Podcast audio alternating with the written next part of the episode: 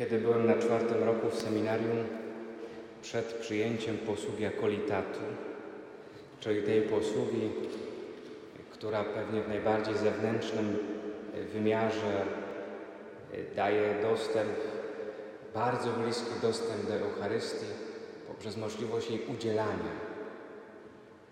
Kiedy więc byłem przed tą posługą akolitatu i ojciec duchowny przygotowywał nas do dobrego przyjęcia tej, tej posługi, użył wówczas po raz pierwszy usłyszanego przeze mnie określenia eucharystyczny styl życia.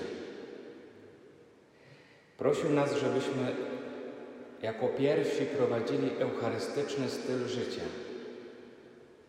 Co to właściwie znaczy?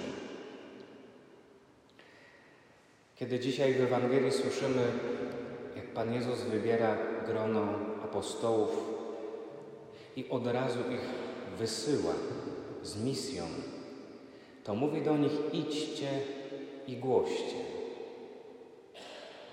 My w Eucharystii na koniec też słyszymy podobnie brzmiące słowa. Idźcie. W Polsce idźcie w pokoju Chrystusa w mszale rzymskim dla diecezji polskich. W mszale, w mszale oryginalnym łacińskim ite misa est. Msza jest. Idźcie. To znaczy, kiedy przychodzimy tutaj na Eucharystię, to jest to ważny dla nas moment, jakiś punkt odniesienia, ale tu się nie kończy nasze spotkanie z Bogiem. Można by powiedzieć odwrotnie, ono się tu dopiero zaczyna. Kiedy wychodzimy z tego kościoła po mszy świętej, to mamy dalej żyć Eucharystią.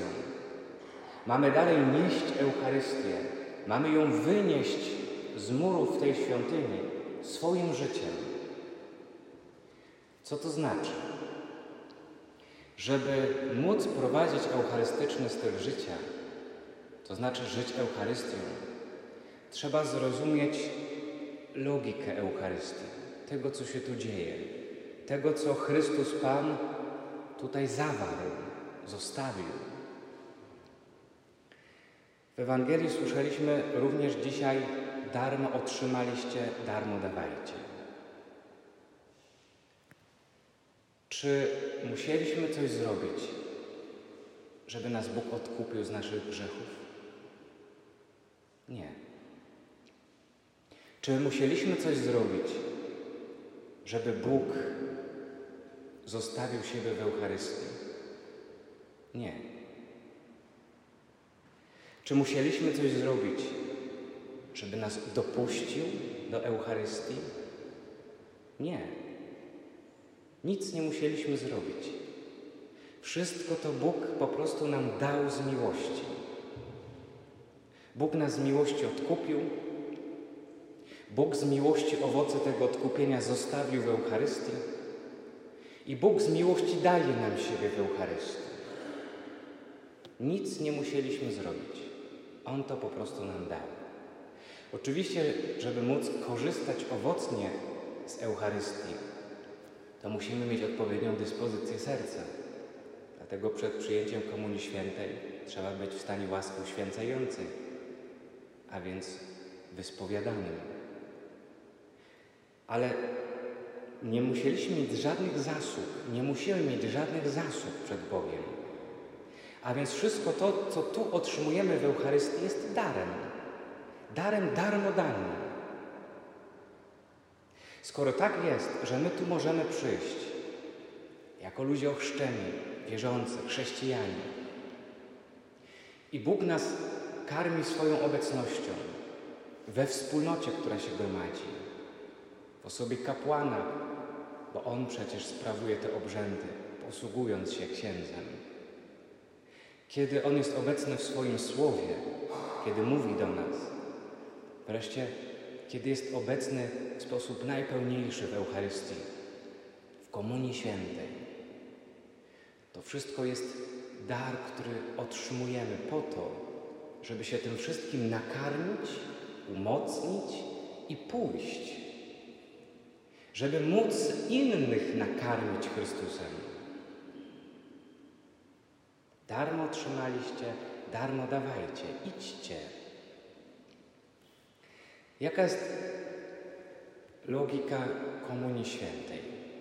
Mówiłem o tym trochę w Boże Ciało na mszy o godzinie dziewiątej, że Komunia Święta to jest z łacińskiego komunia, znaczy zjednoczenie. Kiedy przyjmujemy komunię, dokonuje się zjednoczenie. Najpierw zjednoczenie z Bogiem, ale także zjednoczenie ze wszystkimi braćmi siostrami, którzy przyjmują ten sam chleb eucharystyczny. To, czego nie potrafimy sami zrobić, czyni za nas Bóg, jednoczy nas. Ale w tym przyjmowaniu pokarmu jest coś jeszcze głębszego i ważniejszego.